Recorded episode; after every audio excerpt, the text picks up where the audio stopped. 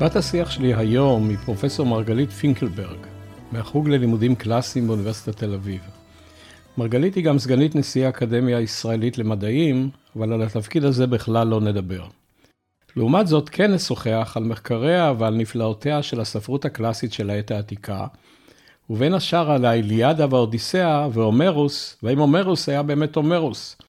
על שפות עתיקות ומה מחקרן גילה על מקורם של היוונים הקדמונים, ועל העברתו המדהימה של זיכרון תרבותי לאורך אלפי שנים באמצעות משוררים עממיים, וגם על מה מרוויחים גם במאה ה-21 מהיכרות עם ספרות קלאסית בכלל. ונשמע גם על הצעות לקריאה, ואיך מרגלית הגיעה לתחום מחקריה, ספוילר, לא בגלל שחלמה עליו מילדותה, ואפילו אם מי הייתה רוצה להיפגש מבין גיבורי מחקריה, ומה הייתה שואלת אותם, לא יכולה הייתה באמת להיפגש איתם. ותוספת קטנה להקדמה. כמו בכל שיחה בפודקאסט הזה, במהלך השיחה מובהרים מונחים מעטים שאולי אינם מוכרים לשומע. אבל למען הקל על השומע, כלומר שומע או שומעת, כבר מלכתחילה, אעיר כבר כאן כי כשאנו מזכירים באיזשהו מקום בפודקאסט הזה, בקטע מהשיחה, את המונחים ליניאר A וליניאר B, הכוונה היא לשני סוגי כתב קדומים, הקרואים כתב לינארי, מלשון קווי, ששימשו ביוון העתיקה. וכשאנו מזכירים את המונח שפה הינדו-אירופאית או הודו-אירופאית, הכוונה היא למשפחת על גדולה של שפות שהתפתחו באסיה ובאירופה, שעליה נמנות שפות שנשמעות היום לשומע שונות מאוד זו מזו, מהינדית ופרסית ועד לצרפתית ואנגלית, ומחקרים מעידים על כך שהיה להן מקור משותף לפני אלפי שנים, בתקופת הברונזה, קרוב לוודאי בקרב אוכלוסיות שהתגוררו אי שם בערבות שבסביבות הים השחור והים הכספי, ונדדו במהלך הדורות הן למערב והן למזרח, והביאו להיפרדותו של מגדל בבל הקדום הזה. ועכשיו אנחנו ממש מוכנים לגיחה הקצרה עם מרגלית, אל זכיות צאן ברזל של התרבות העולמית בכלל, והמערבית בפרט. שלום לפרופסור מרגלית פינקלברג, מהחוג ללימודים קלאסיים באוניברסיטת תל אביב. אני uh, עומד לפתוח בהקלטה uh, uh, שתהווה בוודאי איזושהי הפתעה למי ששומע אותנו, uh, אבל אני משוכנע לחלוטין שלא לך. ואחרי זה אני אשאל שאלה שקשורה להקלטה הזו, אבל אני לא אגיד אותה עכשיו, לא אומר אותה עכשיו, כדי לשמור על המתח Vaproprinintareeva ferma, Vohubiotareeva mm, ferma, mm, Fermantareo Stambola spre, mm, Opremagaia libegum, Vami vega tragio stambo, Hasimus senaro dulce, Nit pores mi vergi voda,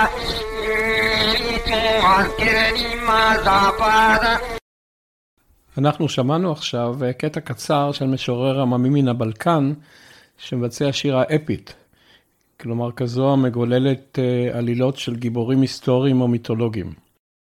זוהי אחת ההקלטות שביצעו החוקרים מילמן פרי ואלברט לורד החל משנות ה-30 של המאה ה-20 בבלקן, והן תרמו להצעה שלהם שיצירות אפיות נשתמרו, יצירות ארוכות, נשתמרו במשך מאות ואלפי שנים בעל פה בזיכרונן של תרבויות באמצעות משוררים עממיים, אה, כמו אולי זה ששמענו עכשיו. והם עשו, המשוררים עשו שימוש במבני שירה מיוחדים כדי להקל על שמירת הזיכרון והעברתו. השאלה שלי היא, האם היוונים הקדמונים ששמעו את האיליאדה ואת האודיסאה, או אחד משניהם, שאנחנו מכירים היום של הומרוס, אם הם בכלל שמעו אותה, שמעו אותה בדרך הזו. אז קודם כל שלום וערב טוב ותודה שהזמנת אותי ולגבי השאלה עצמה אז התשובה היא כן ולא.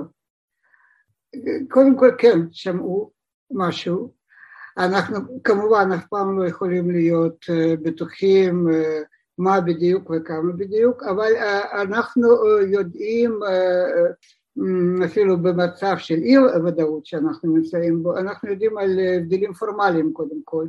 השורות של השירה ההומרית, הטורים, כן, הרבה יותר ארוכים. כאן בשירה הדרום סלאבית, אז הטורים נורא קצרים, ובגלל זה גם הקצב, שמענו איזה קצב, איזה קצב שם, והקסמטר זה המשקל של השירה האפית היוונית כולל, כולל הומרוס, זה שירה מאוד ארוכה עם עוצרים באמצע כי לא, לא מספיק נשימה אחת כדי לדקלם את השורה הזאת. והמשקל הדקטילי הוא די אומרת... מה פירוש משקל דקטילי?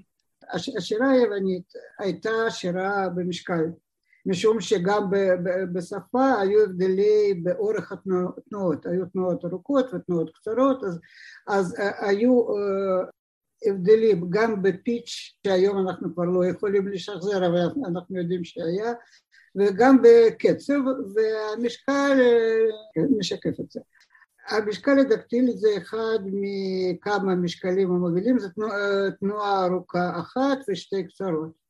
אנדרמואן פמוס פולוט רופונהוס מלפולה, זו שורה אחת. זאת השורה הראשונה של האודיסאה.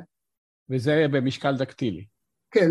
האם המשורר היה מבצע, או המשורר היה יוצר, ומה היה התפקיד שלו בכלל? חלק מהעבודה שלך עסק בזמנו בהיפוך או בטרנספורמציה או באבולוציה של תפקיד המשורר בחברה הקדומה.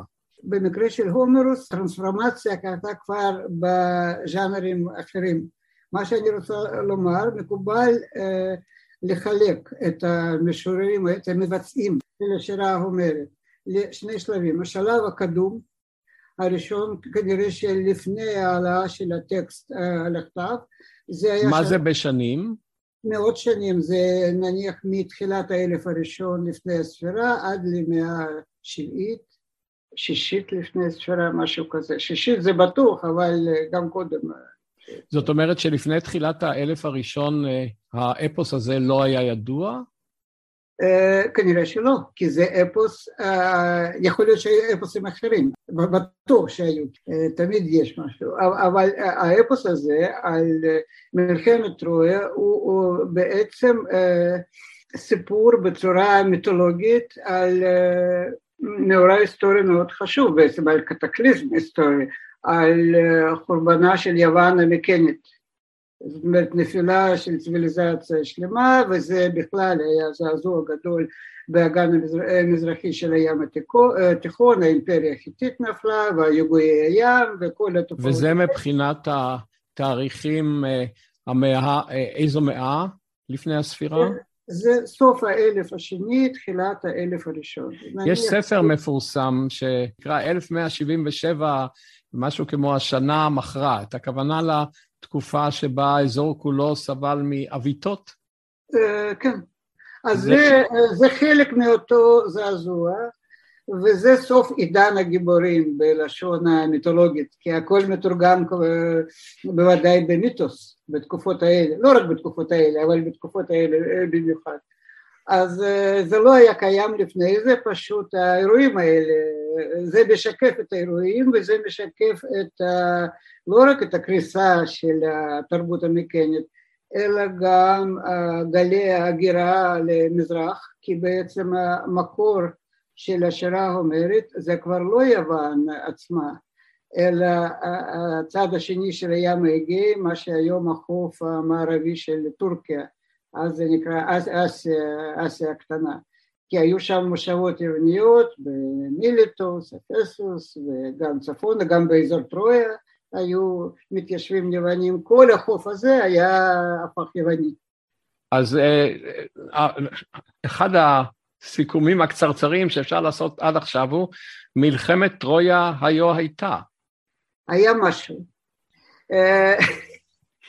אה, כי, טוב, זה, זה לא כל כך חשוב, כי אם אנחנו נחשוב שבמלחמת טרויה הם uh, בעצם uh, uh, מיתוס, מלחמת טרויה, מסמל את סוף תקופת הגיבורים, ותקופת הגיבורים uh, מסמלת את התקופה המקנית, אז למה זה קרה בטרויה שזה בכלל לא ביוון? זאת השאלה. זאת השאלה והתשובה היא... בגלל אלנה. לא, מדוע הם, כן, בגלל אלנה, בסדר, אלנה זה סיבה טכנית, תמיד אפשר למצוא משהו, אבל מדוע זה לא על קרקע של יוון, מדוע זה במקום זר, עם, ויש לזה תשובה מסוימת, כי זה בעצם האפוס שיש לנו, האפוס ההומרי הוא די מאוחר, ובעצם הוא היה נועד ליצור אחדות לאומית, אם תרצה, של שבטים שונים שהתיישבו ביוון. אחרי הזעזוע אז נכנסו שבטים אחרים מהצפון, הדורים, לא חשוב, הייתה פלישה דורית, לא הייתה, הם הופיעו, הם, הם, הם הופיעו שם בצורה זו או אחרת, כתוצאה של פלישה או כתוצאה של סתם הגירה, ואז היו ביוון גם צאצאים של האוכלוסייה הקודמת, כי לא כולם ברחו, וגם אנשים חדשים שלא היה להם עבר מקני. אז המציאו להם עבר מקני, זאת אומרת זה עיצוב הזיכרון, עיצוב הזיכרון הקולקטיבי, או שהם המציאו לעצמם, כולם היו מרוצים בזה. ואז פתאום לדורים היה עבר מקני, וזה במלחמת טרויה זה עם אויב חיצוני ולא בינינו לבין עצמנו, זה מאוד חשוב. זה, זה מעניין, כי אם הייתי משוחח עם אה, חוקר של ישראל הקדומה, הוא היה עשוי, או עלול, תלוי איך מסתכלים על זה, לבוא ולומר, תראה, אה, העם הישראלי קם כנראה בסביבות אותה תקופה שאת מדברת עליה, והמציאו בסופו של דבר כמה מאות שנים אחרי זה איזשהו אפוס כדי לאחד אה, שבטים. גם זה, גם זו דעה אפשרית. לא, אתה יכול לשוחח עם נדב נאמן. זה נכון. התיאוריה שלו ואנחנו ממש היינו בדיאלוג, בדיאלוג ואפילו הושפעתי על ידי מאמרים שלו על עיצוב הזיכרון הקולקטיבי כי זה קרה, כן. היה גם במקומות אחרים ולא רק בעבר הרחוק. אז יש לי שתי שאלות אה, בנושא של הזיכרון הקולקטיבי. אה, אחד, אם אני מבין נכון, במשך מאות שנים האפס הזה התגלגל שלא בכתב, אלא בעל פה, ממשורר למשורר, או מאב לבנו, אה, ואם ככה, איך שמרו עליו אה, שיהיה איכשהו אחיד? או שהוא לא אחיד? לא, קודם כל, הוא לא עד כדי כך אחיד, אבל הוא יציב.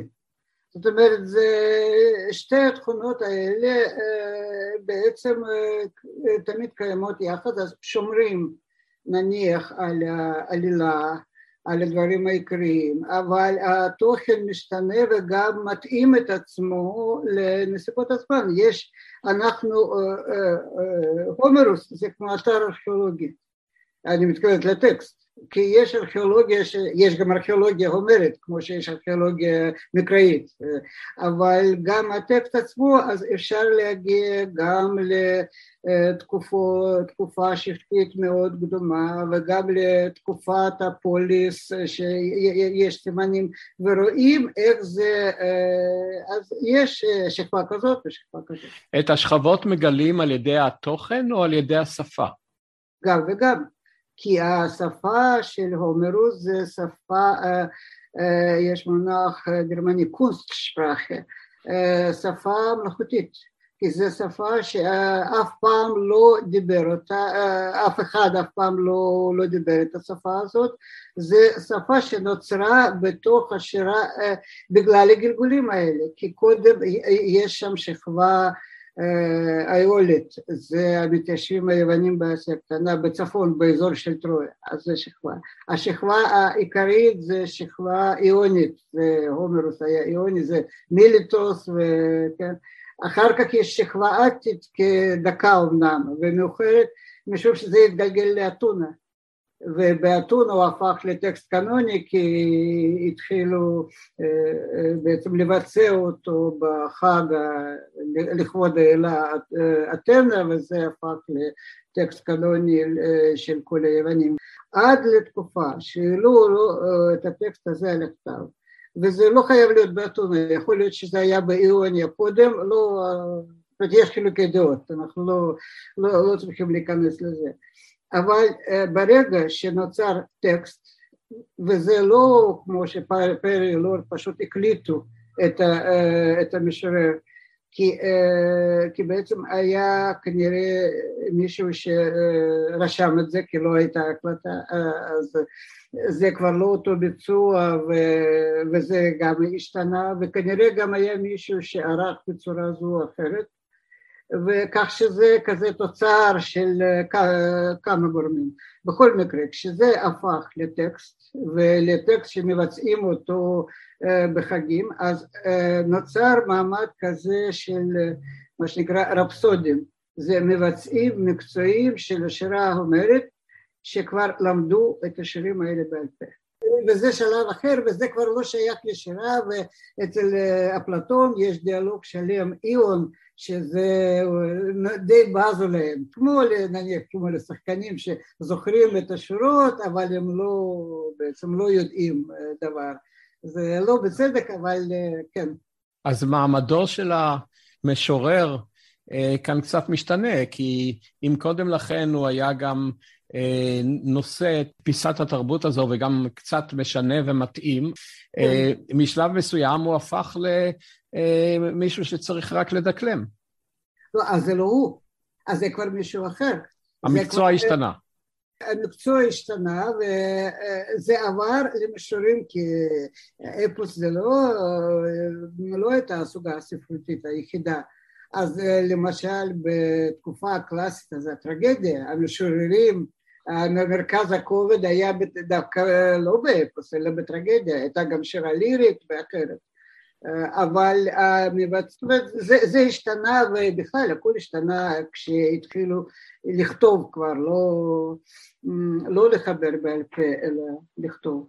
האם המטרה הראשונה של העלאת הדברים על הכתב הייתה כדי לסייע למי שלומד את זה בעל פה, או כדי לאפשר לאנשים לקרוא בלי לשמוע?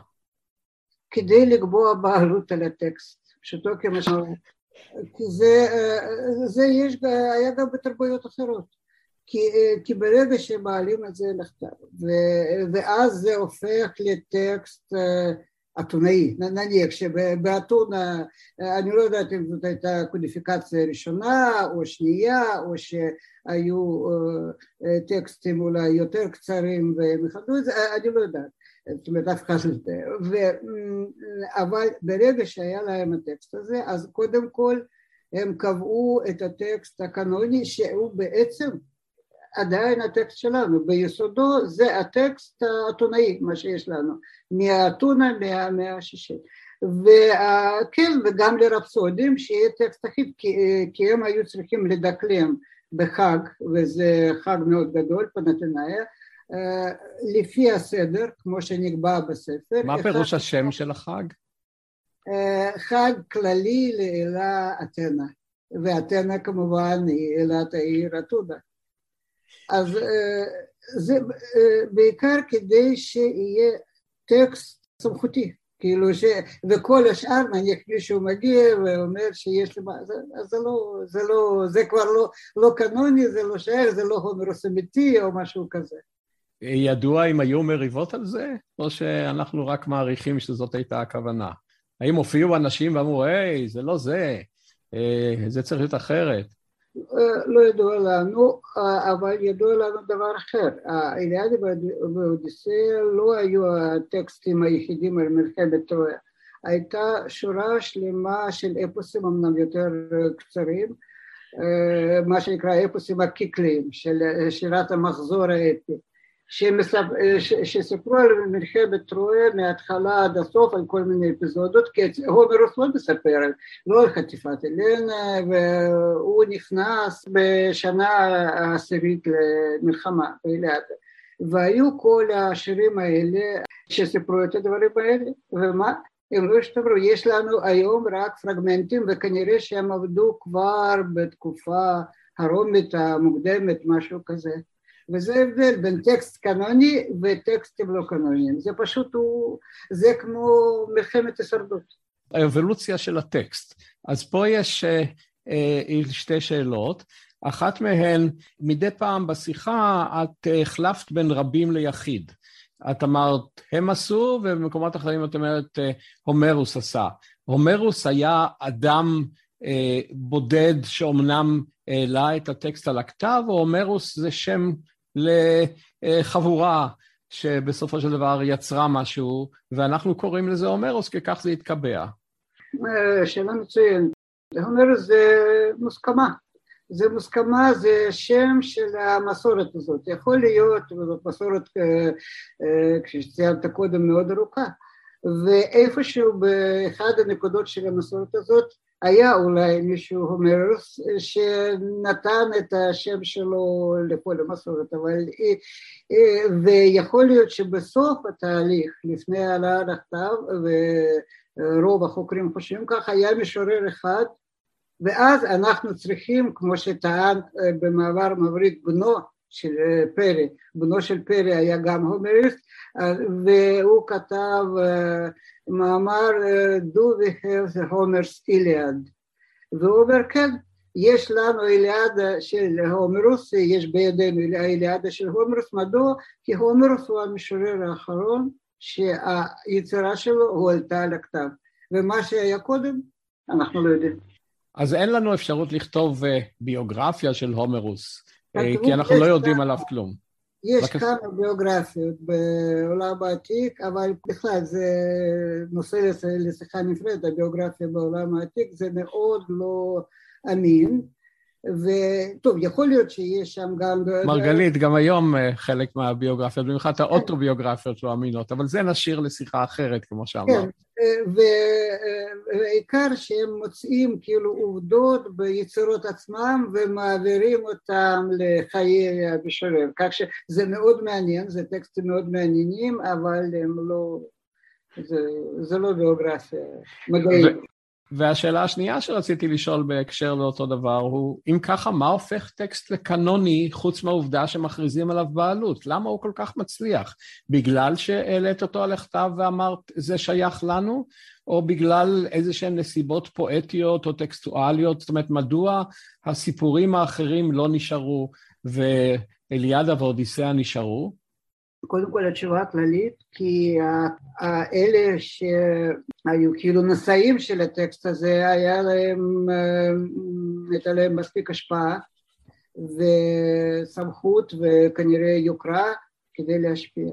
והשנית, וזה אולי העיקר, שהקהל רצה לקבל את הטקסטים האלה, רצה לקבל את התמונה הזאת של ההיסטוריה, והטקסטים האלה נתנו להם את מה שהיה מה שהם היו צריכים, אז למשל ערכים, כן, ערכים של גבורה נניח, טוב, לא ניכנס לזה, לערכים ההומריים, כי זה גם, אבל כן, וזה הפך, כמו שחוקר הומרי אחד הגדיר את זה, לטרייבל אנציקלופדיה, זאת אומרת אנציקלופדיה של השבט, ומכיוון שקיבלו את הכל כ...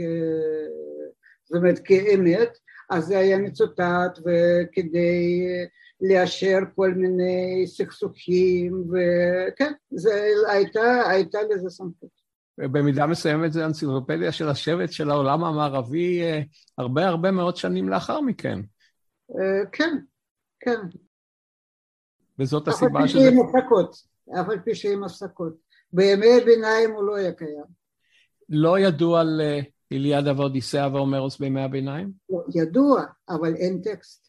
כי דנטה למשל, בקומדיה האלוהית שלו, אז הוא אומר שאומר המשורר הריבון, כן, המשורר הריבון ומעלה אותו, אבל הוא לא קרא, כי לא, התרגום הראשון של הומרוס ללטינית יצא כמה עשורים אחרי מותו של דנטה, כך ש...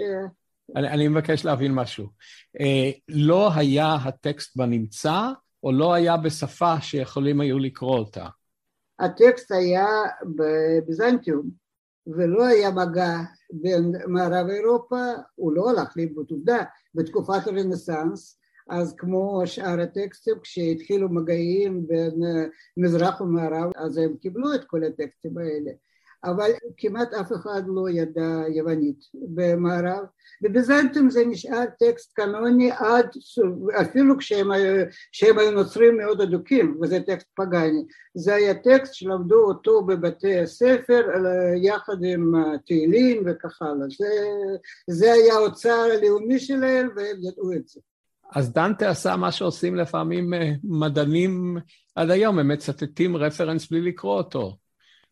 כן, כן, אבל הוא ידע, כי הוא, טוב, הוא ידע לטינית, והגיבור שלו שם זה ורגליוס, וורגליוס הריץ את הומרוס, ודנטה הריץ את ורגליוס, אז בגלל זה גם הוא הריץ את הומרוס. אז זה הרצה מסדר שני, זה הרצה מסדר שני, זאת אומרת, הוא הריץ כן. את המעריץ.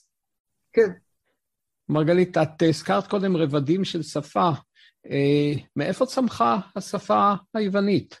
מי היו היוונים הקדמונים, והאם השפה שלהם היא שפה הינדו-אירופאית?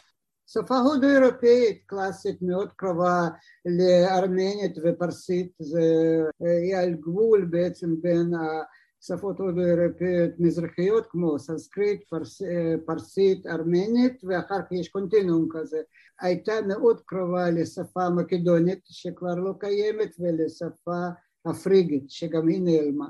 שפה הודו-אירופית סטנדרטית הייתי אומרת ויש דברים שמאוד מקשרים בינה לבין סנסקריט למשל, כל מיני צורות וזה, כן. אז היוונים הראשוניים אה, הגיעו מאזורי הים הכספי, מאזורי ערבות אה, אוקראינה, אה, זה המקור, כי משם באה השפה הזו? יש ויכוח, כן, מהמקור של הפיזור של הודו אירופים, אז דיברו על צפון הים הכספי, היום יותר מדברים אולי על דרום הים הכספי, על ארמניה ההיסטורית, זה מאיפשהו שם. ידעו שגם אפגנים, כן, רואים איך זה בעצם התפזר מזרחה ומערב, ומזרחה זה פרסי, פרסית, אפגנית, הודית. וההשפעות לאחר מכן והשינויים בשפה היוונית הם מבטאים כניסה והשתלבות של שבטים אחרים, שגם הם, שגם הם אינדו-אירופאים, או שלאו דווקא? זאת אומרת, מי היו היוונים? לא, לא, לא, זה פשוט, זה חלוקה, השני, אם אתה מתכוון לשפה ההומרית, או כמו שאומרים, הדיאלקט ההומרי, ואמרתי שזה כמו שיש שכבה כזאת ושכבה כזאת, זה פשוט, זה חלוקה של השפה לדיאלקטים. זה דיאלקטים של ניבים, הכל שם יוונית, ניבים, ניבים שונים של יוונית עם ניב איוני דומיננטי, 80-85 אחוז איוני ואחר כך יש כל מיני. וזה לא שזה שורה אחת בדיאלקט אחד ושורה, פשוט זה מתבטא במיוחד בפורמולות כי פורמולות זה הנוסחאות, כן, הביטויים הקבועים, כן, ש, שעזרו מאוד ביצירת שירה שבעל פה, באלתור, כן, אז בפורמולות יש צורות יותר קדומות ובמיוחד הצורות האיוליות של דיאלקט יותר צפוני ורואים ששם התחיל האפוס ההומרי. מרגלית, קראתי באיזשהו מקום בעבר שהמעבר מכתב שיש בו רק יצורים לכתב שיש בו יצורים ותנועות נבע מן הצורך לכתוב שירה משום שיש בה תנועות ואי אפשר לבטא אותה רק ביצורים. האם יש בזה משהו? אני לא יודעת. יש, יש בכלל תיאוריה שבעצם היוונים שאלו את האלף בית הפיניקי משום שרצו להעביר את הומרוס לכתב, אני חושבת שזו תיאוריה רומנטית מאוד יפה, אבל איכשהו לא, לא יודעת, אני לא קונה את זה. זה פשוט דמוקרטיזציה של הכתב, כי במזרח, אולי פחות כבר ב... במזרח הקרוב, אבל במזרח הקדום. אז מי, מי כתב? זה היה בעצם מעמד מיוחד של סופרים ולא של שאר האוכלוסייה. וזה נכון, חלקית לפחות. מרגלית, חושב... אתה שאלת מי כתב ומי קרא? אז הם גם קראו. רק המעמד הזה. כן, כן. ו, וכנראה כך היה גם בתקופה המקנית, עם ליניאר בי זה לא, זה לא לשיבוש יומיומי. הפשטה או דמוקרטיזציה הייתה כבר באלף בית השמי הפיניקי, זה אין ספק. וביוון עשו צעד נוסף ויש אפילו כאלה שאומרים שהיוונים הם הם שהמציאו את האלף בית בכך שרשמו תנועות ואז כל אחד היה בקלות למד את האותיות ואתה יכול לכתוב את מה שאתה רוצה ומה שמאוד מעניין שעד שזה פה... קשה מאוד בכתב שאין בו תנועות. כן, אז צריך ללמוד וזו התמחות מיוחדת. ביוון ידעו קרוא וכתוב במידה כזו או אחרת, כולם. חלק, חלק נכבד מהאוכלוסייה ידע קרוא וכתוב? כן, אפילו בצ... יש על זה ויכוח שלם כי יש דרגות שונות, אז מישהו יכול רק לכתוב את השם שלו, אוסטרקיסמוס באתונה, כשכותבים את השם של פוליטיקאי שרוצים לגרש מן העיר. אז זה כבר יוצא מתוך הנחה שכל אחד יכול לכתוב לפחות שם, אף על פי שהיו גם כאלה ש... נתת לי, רעי... נתת לי רעיון לא רע.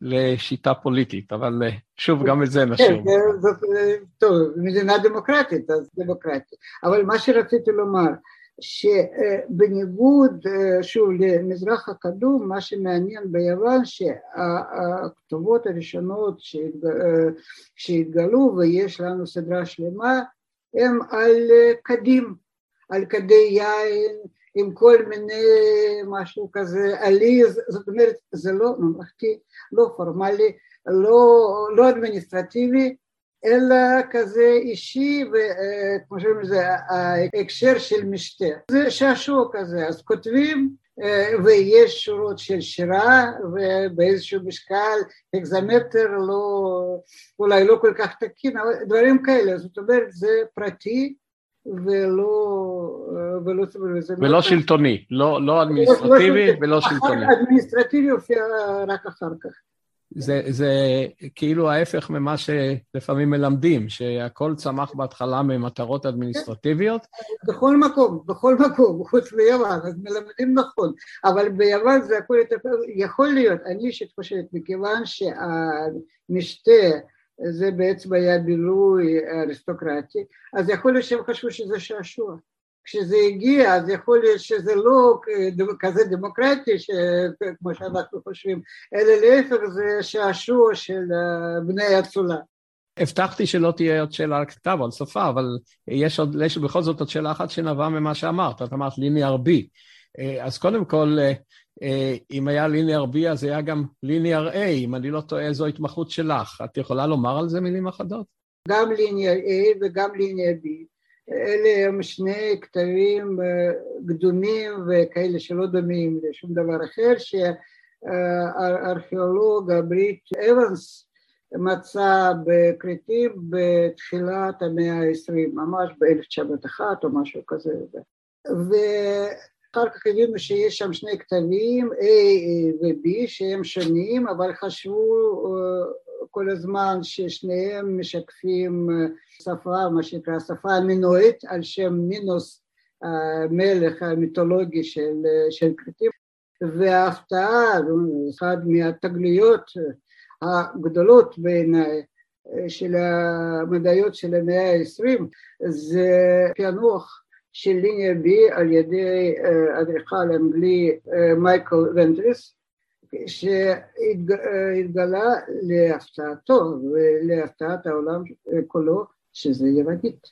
הוא חשב שזה אתרוסקית. הוא היה בטוח שמדובר באתרוסקית כי זאת הייתה שפה אקזוטית כמו בסקית של היום הזה והתברר שזה יוונית וזה שינה בעצם את התמונה כולה, זה היה מהפך של היסטוריה יוונית כי קודם התחילו את ההיסטוריה היוונית מהמאה הראשון, בתחילת המאה הראשון לפני הספירה ועכשיו זה זז אחורה לאיזה אלף שנה ועכשיו ברור שהיוונים נמצאים ביוון כנראה מתחילת האלף השני לפני הספירה ובכלל וכל התמונה של האזור משתנה. זה ליניאר B נכון? זה ליניאר. ומה עם ליניאר A? הוא לפניו? ליניאר A הוא לפניו וזה יותר קדום, ומעט מאוד טקסטים, אז, אז היו כמה תיאוריות ואני הצעתי אחד התיאוריות האלה שהתקבלה לא, לא רע, שזו השפה האנטולית, שזה בעצם השפה האנטולית, הלובית. זאת אומרת, זה... שפה אינדו-אירופאית אחרת. אחרת, טוב, אנטוליה, קבוצה אנטולית זה לא אינדו-אירופאית קלאסית, זה, זה חיטית, לובית ופלאית ועוד שפות של התקופה ההיסטורית. וזה כאילו אינדו-אירופאית קדומה, מה זאת אומרת קדומה? שהם כנראה הקבוצה הזאת, אז הם נפרדו מהמיינסטרים ההודו-אירופי בשלב יותר מוקדם, אז בגלל זה הן מאוד שונות. זאת אומרת, הודו-אירופיות מאה אחוז, אבל לא מה שחשבו ששפות הודו-אירופיות יכולות להיות, כשגילו בכלל את השפות ההודו-אירופיות. לפני שאני אעבור לשאול אותך על עבר אחר, עדיין מנקרת בי השאלה, אני מבין שמשלב מסוים מי שדקלם את הטקסטים מאוחר, בתקופה מאוחרת יותר, היחס אליו היה כאל פחמן, כאל איש מקצוע שלאו דווקא צריך להיות יצירתי. אבל היחס למשורר קודם לכן, לאדם שביצע את האפוסים, היה יותר לכיוון של יחס מיתי, או יחס הערכה של אדם יוצר, של אמן, או היה לו תפקיד. אגב, לא סותר, היה לו תפקיד בחבורה שהוא פשוט משמר את ההיסטוריה, או משמר את העבר, או מבדר. משורר אלוהי, קודם כל, זה קבוע, זה ביטוי קבוע למשוררים האלה אמיתיים. משורר אלוהי, משום שהוא הוא, הוא האמין, וכולם האמינו, שהוא בעצם מקבל השראה אלוהית מהמוזות אלות השירה, ובגלל זה, זה בעצם הייתה הסמכות שלו, גם בעיני עצמו וגם בעיני אחרים, ובגלל זה כל זה אמת, כי המוזות היו, היו בזמן מלחמת טרועה, והם מספרים לו את, את האמת, כן, אלות, והם היו עדי ראייה לכל מה שהתרחש. אז זה כמובן מעמד גבוה והרבה כבוד, אבל מצד שני הוא, כן, הוא התפרנס כמשרת של, היו שני היבטים, או שבאיזה חצר המלך וכך הלאה, אז זה מכובד, או שבשירות של הקהילה, אז היו כאלה שפשוט עברו מעיר לעיר, מכפר לכפר, וביצעו את השירים האלה והתייחסו אליהם יפה וזה, אבל שוב זה לא פסגה של... של... אז הייתה ירידה מסוימת משליח כלי של המוזות לכלי של השליט או של הקהילה? לא, לא, לא, זה, לא, זה תמיד. הוא היה מעין נביא, והיחס היה מאוד מכבד. והוא לא שליח של שליט, הוא לא מספר מה ששליט רוצה שהוא יספר, הוא יספר מה שמוזה אומרת לו, כך שזה לא משנה, בכל מקרה המשורר היצירתי הוא הפה של, של אלות השירה, ובגלל זה הוא דומה לנביא אולי. זה, זה מדבר אליי כי כמובן שהאימא של המוזות זה מנמוזין, שהיא אה, אלת הזיכרון, בלי, בלי לזכור את מה שהוא צריך לעשות, הלכה המוזה. אה, מרגלית, אני מבקש אה, לעבור מהעבר הכללי, ההיסטורי, האנושי, שאנחנו עוד לקראת סיום נשוב אליו, לעבר הפרטי. איך הגעת ללימודים קלאסיים ולעיסוק בנושאים שאת עוסקת בהם בכלל? האם זה משהו שכשהיית ילדה קטנה חינכו אותך לאהוב את, אה, נניח, את הומרוס, או שזה צמח יותר מאוחר? ממש לא, ממש לא, זה הכל מקרי. הכל מקרי, אני ידעתי שאני אעסוק בשפה ובספרות, ואז אה, נסעתי בגיל 17, והיה די מטורף, אז נסעתי ממינסק, משם גדלתי, נסעתי למוסקבה, ורציתי ללמוד באוניברסיטת מוסקבה בחוג ספרות רוסית או משהו כזה, ואז למדתי שיש חוג לימודים קלאסיים, והיה שם 60 מועמדים לחמישה מקומות. ואני מאוד תחרותית, אז אני חשבתי, טוב, אז זה בשבילי. והתקבלתי. ועד אז אני לא ידעתי, טוב, ידעתי קצת מיתולוגיה, אבל לא משהו אחר. אז, וכך התחלתי. אמ, ומה הצריכו הלימודים? איזה, אולי ניקח את זה מכיוון אחר. אה, איזה שפות את דוברת? דוברת בשבילי לעניין הזה זה אה, קוראת, אה, לאו דווקא מדברת. אה, קוראת זה יותר, שאלה יותר נכונה, כי אני קוראת הרבה יותר שפות ממה שאני מדברת. אז, אז רוסית, אנגלית, עברית, צרפתית, גרמנית, איטלקית? אז יכולה אגב, אם צריך ספרדית, אבל זה כבר צריך לקרוא, אז צריך לעשות מאמץ מיוחד, וכמובן שפות עתיקות, אז יוונית לטינית, וגם קצת לימדתי את עצמי חיטית, אבל רק לצורך המחקר, לא שהתעמקתי. האם השפות הקלאסיות הביאו אותך לתרגם לשפות מודרניות, יצירות שאת הרגשת צורך לתרגם אותן משום שלא היו קיימות, או חשבת שהתרגום שלך יכלול בתוכו כבר חידושים שלא היו קודם? אז בעצם תרגמתי רק כמה, כמה יצירות, תרגמתי כש...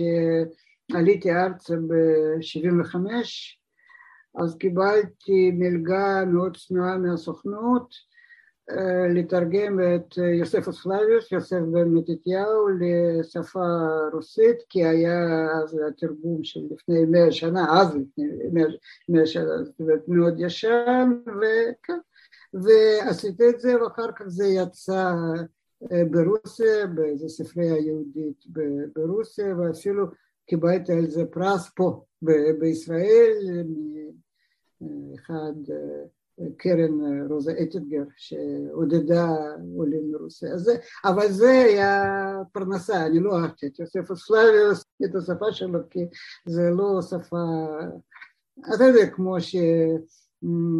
נניח כמו שאני כותבת אנגלית וזה לא שפת האם שלי, אז מרגישים את זה.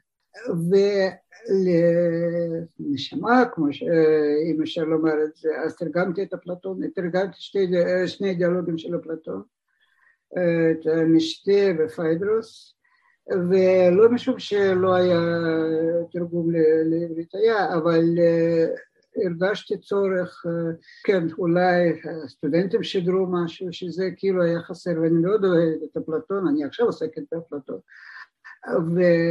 מאוד אוהבת במיוחד את הדיאלוגים האלה שהם יצירות ספרות גאוניות בעיניי והמשתה כנראה יצא מאוד מוצלח במיוחד, פיידרוס פחות, כי, כי מאז כבר אני חושבת, הדפיסו אלפי פעמים, זה ממש הפך לבסטסלר, אז אני ידועה ככה בקהל הישראלי כמתרגמת של המשתה, ואני מאוד גאה בזה.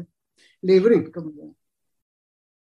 אה, את הזכרת סטודנטים, אה, שומעים כל הזמן שסטודנטים לא הולכים ללמוד לימודים קלאסיים, זה נכון? אה, הולכים, אבל מעט. יש ירידה? לא, זה מה שמעניין, שיש ירידה, ירידה במדעי הרוח ובלימודים קלאסיים כמו שהיו קצת, וככה זה נשאר. אז תמיד יש קובץ של משוגעים ש... שהולכים ללמוד לימודים קלאסיים וזה מאוד מעניין כי אנחנו יציבים פחות או יותר. אבל הערה אחת כשדיברתי על סטודנטים ועל תרגום של המשתה אז אולי סטודנטים של לימודים קלאסיים צריכים פחות כי, פחות את התרגום הזה כי לא לוקחים בחשבון שהחוגים ללימודים קלאסיים משרתים קהל גדול של, למשל אני לימדתי מבוא למיתולוגיה יוונית ל-200 סטודנטים ומבוא לספרות ספרות יוון ולתרבות יוונית וטרגדיה יוונית וכך הלאה וכך הלאה לסטודנטים שהם לא בלימודים קלאסיים, או שבכללי או בלימודים קלאסיים יש מגמה בתרגום, זאת אומרת לכאלה שלא לא צריכים ללמוד שפות, זה רק BA, אבל יש, אז זאת אומרת נחשפתי לקהלים שונים ו... ומשם קיבלתי את המסרים האלה שרוצים פלטון, להרגיש את אפלטון ומשהו אם, אם יבוא אליך מישהו, יבוא סטודנט או סטודנטית ויגידו, אנחנו מתמחים בתחום אחר, מה, למה לנו להתוודע לספרות הקלאסית היום? היא לא מדברת על אירועים שמתרחשים עכשיו, ומה הסיבה, מה המשיכה של הקלאסיקה? אני לא מדבר דווקא על לימוד הקלאסיקה, אלא היכרות עם הקלאסיקה. אני רק, רק אוסיף פה, מרגלית, שבזמנו, מהתחום שלי, ש, שאני עוסק בו, בחקר הלמידה, אה, בתחילת המאה ה-20, השיטה הקלאסית ללמידה בחלק מהמקומות בעולם, כמו למשל בחלק מהמערכת הבריטית, הייתה שאם אתה לומד יצירה קלאסית לעומק, מתחולל תהליך שנקרא טרנספר, זאת אומרת שמאפשר לך בעקבות לימוד של משהו אחד לעומק, אה, לרכוש יכולות ללמוד הרבה מאוד דברים אחרים. אבל זה יכול להתרחש רק בתחום מדעי הרוח, אה, מוסר, מדעי החברה, אבל ודאי לא במדעים אה, מודרניים, מדעי הטבע, מדעים מדויקים. אה, אז אני מוריד את השיקול הזה הצידה. זאת אומרת, השיקול של למידת דבר לעומק נותן לך ידע שמאפשר לך בתחומים שאינם קשורים, אולי נסיר אותו לרגע. האם יש סיבה נוספת? אז קודם כל השאלה שלך אני חושבת נגעת לא רק ללימודים קלאסיים אלא לכל קלאסיקה, היא נוגעת באותה מידה, אני לא יודעת, לשייקספיר ולמה אנחנו צריכים את שייקספיר היום או את דנטה ו... וככה וככה לכל היצירות גדולות, יצירות מופת של, של כל העולם. אז אני לא אומרת ש... כולם צריכים לקרוא את כל מה שנשאר לנו מהעולם הקלאסי, כי לא כל היצירות יצירות מופת ולא כולם אולי מעניינות את הקורא המודרני. אבל איכשהו התרבות הזאת, קודם כל התרבות היוונית, גם התרבות הרומית, אבל יוונית, חושבת במיוחד, שאני משוחדת, איכשהו השכילה ליצור מה... כמה, לא, לא הרבה, אני לא אומרת שהרבה, מהיצירות הגדולות ביותר ב... בהיסטוריה של האנושות, ואני לא מתכוונת לציוויליזציה המערבית דווקא לכל, לכל העולם, זאת אומרת יש ב, בכל תרבות יש יצירות מופת שנוצרו ומי שלא נחשף ליצירות האלה, אז קודם כל זה תענוג גדול לקרוא, נניח ניקח אדיפוס המלך, אז אדם שלא יודע, לא קרא ולא חשב לעומק, אז כאילו חסר לו משהו, הוא גם לא חלק מהקהילה הגדולה הזאת של אנשים חיים ומתים, שעוד יהיו אולי, שחשבו על אדיפוס המלך ויצרו תיאוריות, וזה אודיסאוס, הדמות של אודיסאוס שמתגלגלת בספרות כבר מאות שנים, ובלי זה אז טוב, יש אנשים שיכולים, אני יודעת שחושב שלא צריך, אז לא חסר להם כלום. אני חושבת שזה מעשיר מאוד אה, את העולם הרוחני. את חושבת שיש טעם לבוא ולומר לסטודנטים בכל אה, מקצוע אחר, אה, נאמר במתמטיקה, במדעי החיים, בכימיה, בפיזיקה, כדאי לכם להשלים את לימודיכם בשעות אחדות של לימודי קלאסיקה? קלאסיקה, אבל שוב, אני לא עומדת על כך שזה יהיו לימודי יוון ורומא, כולל לימודי יוון ורומא, כי איך בעצם נוצר קנון? קנון לא, לא מילה פופולרית, אבל אני חושבת שחשוב מאוד לדעת יצירות קנוניות, ומה גם שקנון זה משהו חי, הוא כל הזמן משתנה.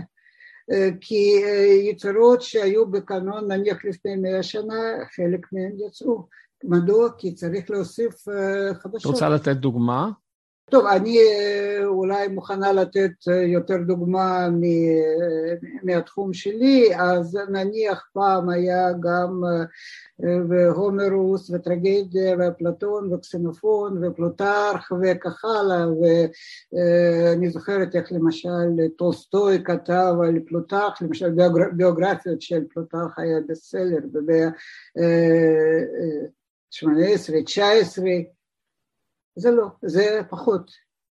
אה, אבל אה, אפלטון למשל אה, נשאר, ואני מאמינה שיישאר, סופוקלס נשאר, קסינופון, שאני חושב שהנבסיס שלו זה יצירה גאונית וגם מלאת השראה, לא, הוא יצא, הוא יצא מהקנון, אבל הוא לא סתם נשר מהקנון, נכנסו דברים חדשים שנוצרו בתקופות יותר מאוחרות, וזה בסדר. אה, יבוא אלייך אה, מישהו ויאמר, אה, האם את מוכנה להציע לי מספר קטן של יצירות קנוניות שאת חושבת שבלעדיהן אני ממש מפסיד פרקים מאוד חשובים בתרבות? מה השלושה או ארבעה שהיית מציעה? אז אה, קודם כל לא הייתי מציעה אולי היום לקרוא את אה, הומרוס כולו כי זה כמו שלא קוראים את טולסטוי, כך אה, נניח מלחמה ושלום אז הייתי ממליצה על פרקים אחדים מהאליאדה, כי אליאדה זה באמת יצירה גדולה, אחד מהגדולות בספרייה שיש לנו. הייתי ממליצה את אורסטיה של אייסקלוס, את אדיפוס המלך, יש עוד, אני חושבת, אני בכלל מאוד אוהבת את סופוקלס, אז הכל שם, שבע טרגדיות זה לא הרבה, אבל את אדיפוס המלך גם צריך, צריך לדעת מה זה, וכמובן משהו מאירופידס גם קשה, קשה לבחור אולי, נשות טרויה, המשתה של אפלטון, פיידרוס של אפלטון, ורגליוס, הייתי ממליצה, אני מאוד אוהבת את המשוררים הרומיים, הורציוס, משורר גדול, אבל אני לא חושבת שהוא עובר טוב תרגום, זאת הבעיה בכלל, קשה מאוד עם השירה גם ספפו, המשוררת הגדולה, אה, ש... אה, אף על פי שאני חושבת שהיא יותר, השירה שלה יותר אה, עממית ואז יותר כאילו קל לתרגם אותה. והשירה של הורציוס מאוד פורמלית וקשה. אז זה פחות או יותר. מרגלית, לקראת סיום, במהלך העבודה שלך את נתקלת בעבודות ובאנשים מקשת רחבה מאוד של אה, אה, יצירות, של תרבויות, של יוצרים, והשאלה שאני שואל היא כדלקמן, אם הייתה לך אפשרות דמיונית להיפגש עם שניים, שלושה מהם, לא יותר משלושה, עם מי היית רוצה להיפגש, ומה היית רוצה לשאול אותם? טוב, אני לא, אה, לא אתן לך תשובה אה, טריוויאלית שהייתי רוצה להיפגש עם הומרוס ולשאול האם הוא, היה, האם הוא באמת קיים ומי, כי זה, זה לא. אולי הייתי רוצה להיפגש עם, עם שניים, עם סופוקלס אה, ו... הייתי רוצה לשאול אותו אם האופן שבו אני מבינה אותו, אם זה נכון או לא, האם אני צודקת, ואני עכשיו לא אכנס בפרטים כי אז צריך לדבר על הטרגדיות וכך הלאה, ואולי הייתי רוצה להיפגש עם אפלטון ולשאול על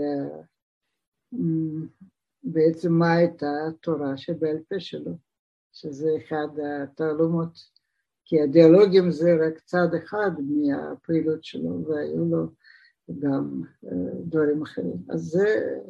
והדברים וזה, האחרים, הדברים האחרים לא שרדו? הם היו בעל פה, הם היו סודיים בתוך האסכולה שלו. אז היית שמחה מאוד uh, להיפגש עם אפלטון ולשמוע על סודות האסכולה שלא שרדו. Uh, כן. מרגלית, אני מאוד מודה לך. Uh, תודה רבה על שיחה מאלפת. תודה רבה לך, מאוד נהניתי. תודה, ידיד. ושוב תודה למרגלית.